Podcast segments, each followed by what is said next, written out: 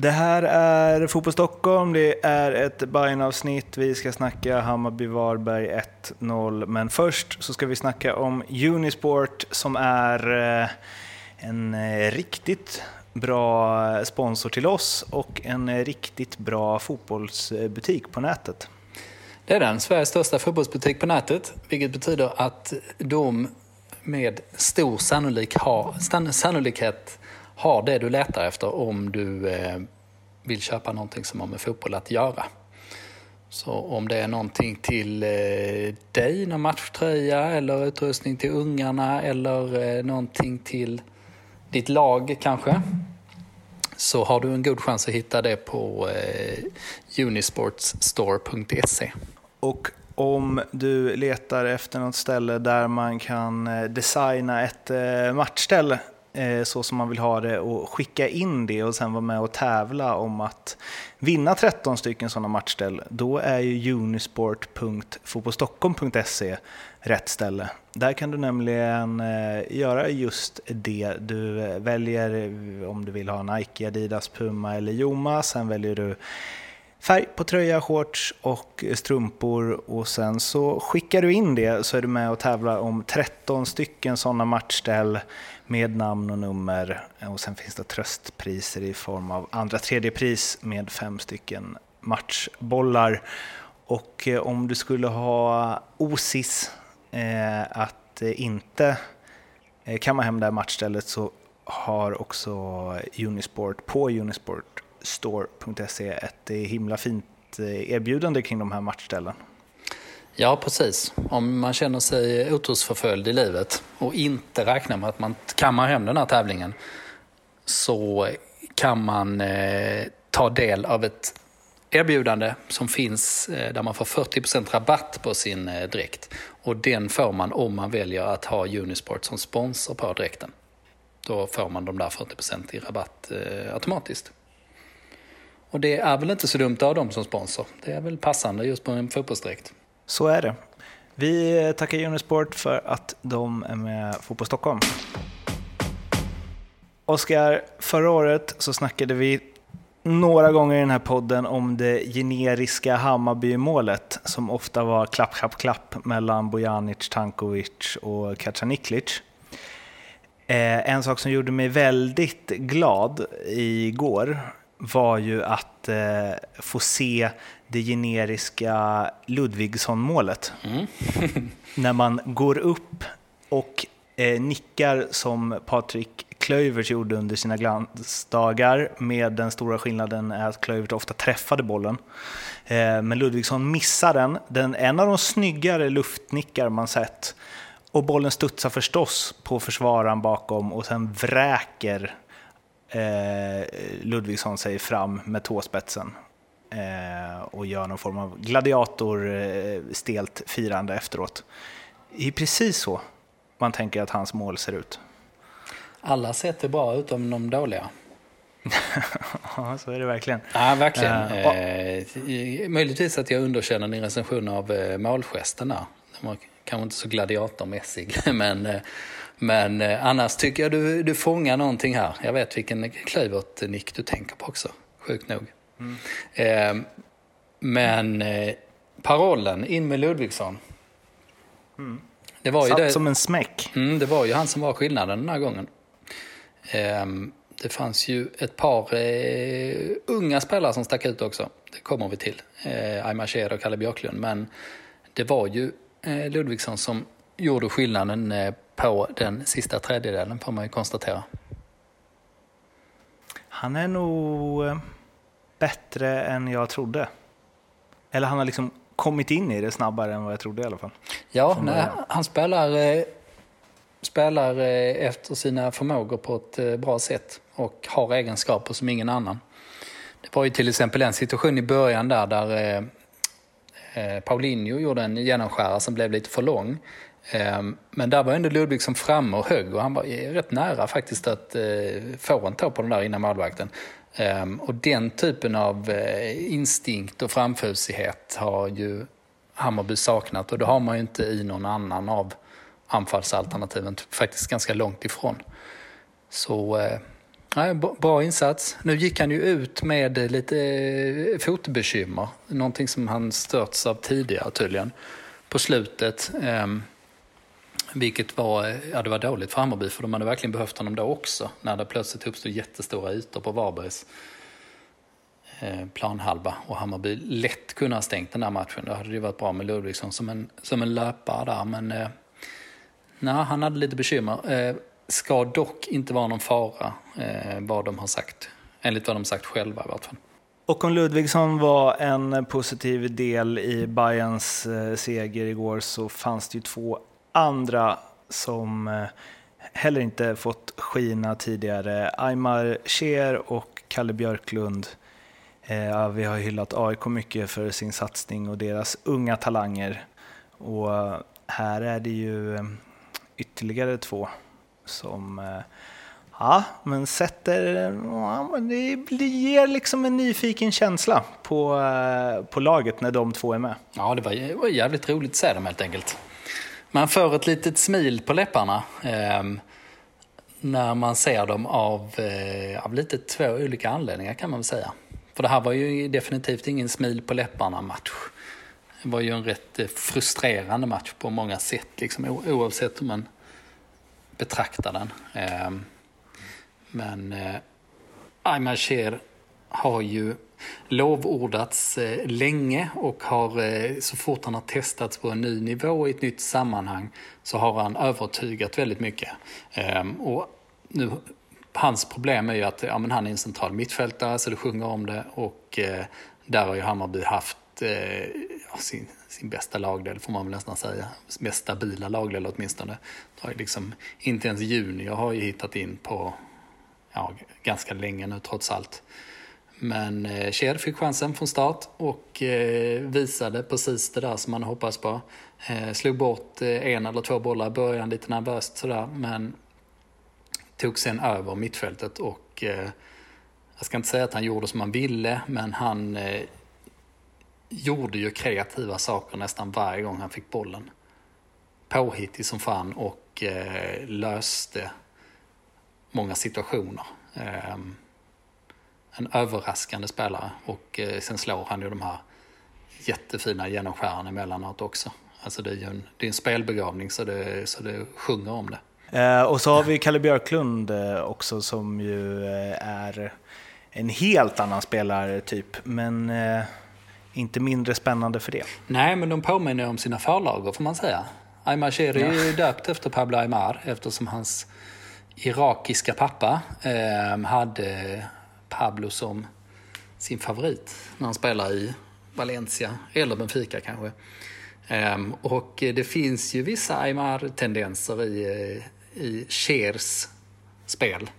Alltså just den här kreativa innermittfälten eh, som man verkligen gillar att se på. Sen så var ju den gamla Aymar var ju mer liksom en lite lägre tyngdpunkt och eh, mer mm. dribblar kanske med ett jävla driv liksom. Eh, Aymar Cher är ju mer lite rakare i ryggen på något sätt. Eh, mer Aymar var väl den som kanske. man det var väl liksom, eller det är den jag kommer mest ihåg som här, den nya Maradona. Det är ju ganska många argentinare som har varit det genom åren. Men han var nog den tydligaste. Det var liksom, för Saviola kallades ju också det, men han hade inte alls samma spelstil. Nej, som Maradona. Men Aymar var ju den, av alla de som kallades det, var ju han den som också var mest lik Maradona. Det känns ju så. Eh, Riquelme kan man väl nämna där också. Mm. Han eh, hade väl... Ja, ut, han hade lite mer power liksom. Ja, ja, precis. Det kanske i och för sig Aymar Cher och Riquelme, det är kanske där vi ska dra liknelsen. Han får, Riquelme Cher? Ja, han får döpa om sig helt enkelt. Mm. Han är... Snyggt förnamn, Riquelme. Ja, ja, Riquelme Cher hade man ju... Det är ju värt ett, ett femårskontrakt bara på namnet tycker jag. ja, verkligen. Eh, eh, ja. Men vad förlagorna där? Kalle är ju inte helt olik sin kära far. Nej, han är ju inte det. Jocke Björklund, jag har precis skrivit en krönika om det och slog mig medan jag skrev att fan vad förbisedd han ändå är. Eh, Jocke Björklund med tanke på vilken jävla världsback han var i, i perioder. Eh, om man tänker att eh, Patrik Andersson har ju gått i historien som det. Eh, men Jocke var ju liksom inte så långt ifrån där. Spelade ändå liksom i Valencia när de var ett av världens bästa lag. Och VM-brons och EM-brons och ja, vunnit Champions League-grupper för United och Barcelona. Och sådär. Vill du höra en platt teori om det, eh, men ändå en teori? Mm. Det är för att jag tänker att Valencia är kanske världens mest förbisedda lag. Det ligger något i det. Verkligen. Eh, men de åren, jag tror de var i Champions League-final två av tre säsonger som Jocke Björklund var där. Sen ska det väl säga att just Jocke var kanske inte, det är väl enda gången han inte varit så självklart ordinarie i ett klubblag. Angloma och company. Men eh, det är ju, ja men det är det jag menar, att i förhållande till hur bra Valencia har varit har de ju fått oerhört lite cred och uppmärksamhet för det. Mm. Så Jocke Björklund är svensk fotbolls Valencia helt enkelt. Exakt. Snudd, snudd på världsback eh, i ganska många säsonger. Men eh, spelstilen, han är ju den snabbaste mittbacken som jag har sett inom svensk fotboll. Eh, och han var ju fullkomligt briljant på glidtackla. Han byggde ju sitt spel på glidtackla många gånger. Um, och det var ju därför som, eh, apropå dra på smidbanden, som när, eh, när Kalle Björklund bara eh, dundrade ner på konstgräset och, och kom ur bollen med en perfekt glidtackling. Så blev man ju på, på gott humör. Och, och det finns ju eh, tydliga likheter där med en så här utpräglad mittbacksspecialist som verkligen är liksom fokuserad och att vinna sin duell hela tiden. Att det är det försvarsspelet går ut på. Sen var ju Jocke Björklund i ärlighetens namn svag med boll. En av de svagare med boll liksom på den nivån. Han lämnar alltid bara över bollen till, ja, till den som står närmst i stort sett. Och där har väl Kalle lite mer eh, kvaliteter. Det har han åtminstone själv lyft fram eh, när jag har eh, pratat med honom och Jocke. När jag försökte, försökte få far och son att battla lite mot varandra. Men då, eh, det var Kalles S i rockarmen var ju bollbehandlingen där i alla fall. Om, om, om pappa nu fick, fick vinna snabbhetsduellen. Två spännande ynglingar, en eh, Ludvigsson som går mot någon form av genombrott. Eh, men nu ska vi gå till mindre spännande grejer och med risk för upprepning. Men vi har ju två spelare vi hackat lite extra på och det är ju Abbe Khalili och Paulinho och de eh, befäster väl det vi har eh, sagt om dem i den här matchen mot Varberg. Paulinho eh, ser lite vilsen ut och är, är mest bara där han inte ska vara. Medan Abbe Khalili är otroligt långt från ja, den spelare man minns att han var i Helsingborg. Mm. Precis, spaningen där var ju lite att man hade kanske råd med en offensiv spelare, eller en kreativ spelare åtminstone, från mittfram, mittfältet framåt som, som kanske inte riktigt var i, var i form, men, men sällan två för att det var risk att det blev för impotent nu. Och nu hade man ju, nu hade man visserligen flyttat ner Abbe Khalili som sittande mittfältare eh, bredvid Kjell, men det blev ju lite samma effekt. Eh, dessutom var ju Kasaniklic ganska anonym i den här matchen. Eh, han, han bidrog en del, men det var liksom inte, inte alls på den nivån han kan spela. Eh, nej, Khalili... Han hade ju ett skott där som en jävla räddning på. Ja, precis. Hade, hade inte Strömberg fått upp en handske på den så hade man ju minst den här matchen och Kasaniklic insats annorlunda kanske. eh, men eh, nej, Khalili det är ju lite överraskande att han fick en ny chans nu också, men det är ju, han spelar ju fel fotboll för Hammarby än så länge. Han är ju liksom inte inkörd i systemet. Eh, man ska komma, ja bara det, konstgräs har han inte spelat på, på liksom, ja, hela sin karriär är det väl egentligen. Ehm, och eh, nej, det, det går för segt och han eh, kommer snett in i situationerna och han överarbetar och, och så vidare. Ehm, så han är rätt långt ifrån att passa in än så länge det är en bit kvar. Och sen Paulinho är ju den här klassiska överambitionen. För att nu kan man inte klaga på inställningen på något sätt, för Paulinho kämpar ju. Men han är för eh, stirrig och vill för mycket, så han lyfter inte blicken. Och vi fick ju en otrolig illustration av det i andra halvlek egentligen. Jag vet inte om du vet vilken situation jag tänker på. Men det var väl ganska långt eh, in i, det var väl inte alls långt kvar när eh, Hammarby fick ett kontringsläge när de var två mot en från eh, mitt, eller de blev två mot en från mittplan. Hade Paulinho bara vänt upp och orienterat sig lite och sett var han var så hade han varit själv mot målvakt från halva plan typ. Och istället så var de ändå två mot en, men han lyckades liksom körde någon bandysväng där och sen så lyckades han ändå krångla bort det. Han hade liksom ett megaläge, såg det inte alls, fick ändå ett okej okay läge och gjorde inget av det. Mm. Det var... Eh, ja, det går inte att illustrera det vi pratar om på ett tydligare sätt än så. För det där, alltså det kan ju han. Alltså herregud, mm. är det mm. någon som vet hur man tar sig fram på offensiv planhalva och kommer till avslut så är det ju Paulinho. Nej, det, det låser sig helt och då blir det det att han är ju mest i vägen.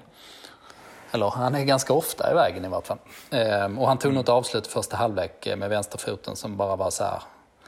Alltså du vet att man, hade det varit publik på läktaren hade man liksom hört ett kollektivt nej på, mm. på förhand och sen sköt han med vänsterfoten högt över då, liksom alla medspelare slut med armarna.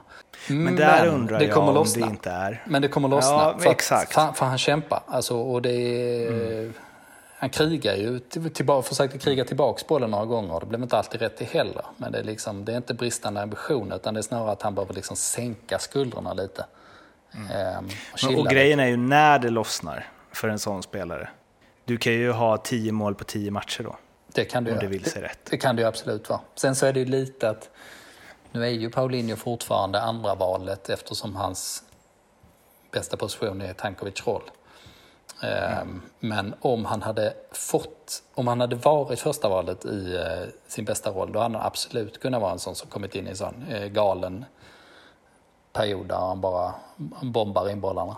Um, och om vi går till, uh, alltså de två får väl någonstans symbolisera det som inte riktigt funkar i Hammarby, men andra halvlek, framförallt sista 25, ska vi säga, 20 när Varberg började flytta upp och eh, fan, inte ofta man ser en keeper som går upp så högt så, med så lång tid kvar. Eh, men de, eh, Jocke Persson, han viftar ju upp allting och de bara kör ju, eh, vilket man kan tycka vad man vill om taktiskt, men det är ju ändå det är kul att titta på. Eh, men jag tänker ändå att Hammarby är i ledning och är det någonting de kan så är det ju att ställa om mot eh, en backlinje bestående av två spelare. Eh, eller om ens det. Men herregud vad skakigt det var. De tjongade ju som att det, de inte aldrig spelar kortpassningsfotboll. Liksom. Ja, ibland gjorde de det och sen så höll de ju bollen tidigt vid hörnflaggorna och sånt här. Liksom. Ah. Eh, nej, det var inte, eh, intressant att se hur det mentala spelet påverkar lag. För nu Varberg spelar ju nu har de ju bytt ut sju gubbar till. Eh, nu spelar de ju väldigt defensivt den här gången, nästan hela tiden. Fembackslinje. Och det är när de, eh, och Jocke Persson berättar om eh, taktiken. Då är han så äh, vi kör lite afrikansk touch den här gången. Och så in med fyra gubbar där, tre sydafrikaner och en ivorian tror jag, 19-20-åringar. Ja men in med dem liksom, inga problem. I pausintervjun säger han vi måste upp lite för vi blir, nej nu var vi för bajsnödiga säger han liksom. Eh, det är ju, ja inga följdfrågor på det för övrigt, vilket man undrar lite. Men, men det är det liksom, ja, det är så här, helt avslappnad inställning till matchen. Nu jävlar kör vi. Eh, och eh, vi får se hur det går. Eh, vi testar det här och sen om det, om det, om det fortfarande bara är ett måls underläge då kan vi gasa från minut 65 eller sånt. Han sa ju det i, i paus. Och så blev det ju lite åt det hållet. Nu lyckades man inte få till någon jättetryck sådär men det var ju faktiskt någon chans. Alltså det hade ju, det hade ju inte varit det hade inte varit osannolikt om det blivit 1-1 i den här matchen till sist ändå. Eh, och då jämför man med det, med apropå det du sa om Hammarby, att man har sådana enorma ytor att spela på. Eh, kanske allra mest efter att Varberg eh, satsade, bytte in sina offensiva spelare och satsade mer offensivt. Och man vet ju vad Hammarby kan, liksom, vad de kan göra med om de har stora ytor på en offensiv planhalva. Och sen, ja, får man liksom, kommer ju knappt till lägen. Och som sagt, Paulinho, när han har ett friläge, att han inte märker det bara, till exempel. Och det är alltså det här de gör när de liksom backar ut mot hörnflaggan och de gör allt istället för att ställa om så försökte de göra allt för att få med sin frispark istället på mittplan så att man kan liksom bara få tiden att gå och så. Och absolut, det handlar om att vinna och så vidare. Och hade de gjort det mot AIK eller Malmö eller Norrköping, då hade jag, jag varit helt fine med det. Men jag tycker fan att det är... Eh, de ska vara bättre än så. De ska vara så pass mycket bättre på hemmaplan mot Varberg och med det spelet de spelat hela den här tiden att liksom... Alltså att de skakar så mycket mentalt hemma mot en nykomling att de inte ens de, de vågar ju typ inte gå för 2-0. Nej, de borde de ju definitivt klarat mycket bättre och de kan ju det egentligen. Men eh, man ska komma ihåg att de kommer från en riktigt, eh, ja, en riktig jävla smocka mm. till vecka. Eh, mm. Med tre raka. Alltså, och jag tror de har ställt sig väldigt många frågor. Alltså jämför det här mm. inför derbyt. Då är Hammarby fortfarande så här, ja men det, de är favoriter i många ögon att eh, vinna allsvenskan. De är favoriter i många ögon att vinna kuppen. Eh, de är stora favoriter i det här derbyt eh, mot AIK. Kommer dit liksom 23 matcher på hemmaplan utan att ha förlorat. Och eh, sen allt som hänt sen dess, så jag, alltså jag tror det har skakat dem eh, rejält. Så jag är helt med dig att det är alldeles för, för svagt att inte kunna eh, utnyttja de där ytorna och chanserna som fanns mot Varberg. Men om man bara tar det som hände på slutet, att man var ute vid hörnflaggorna, så kan jag ändå förstå det.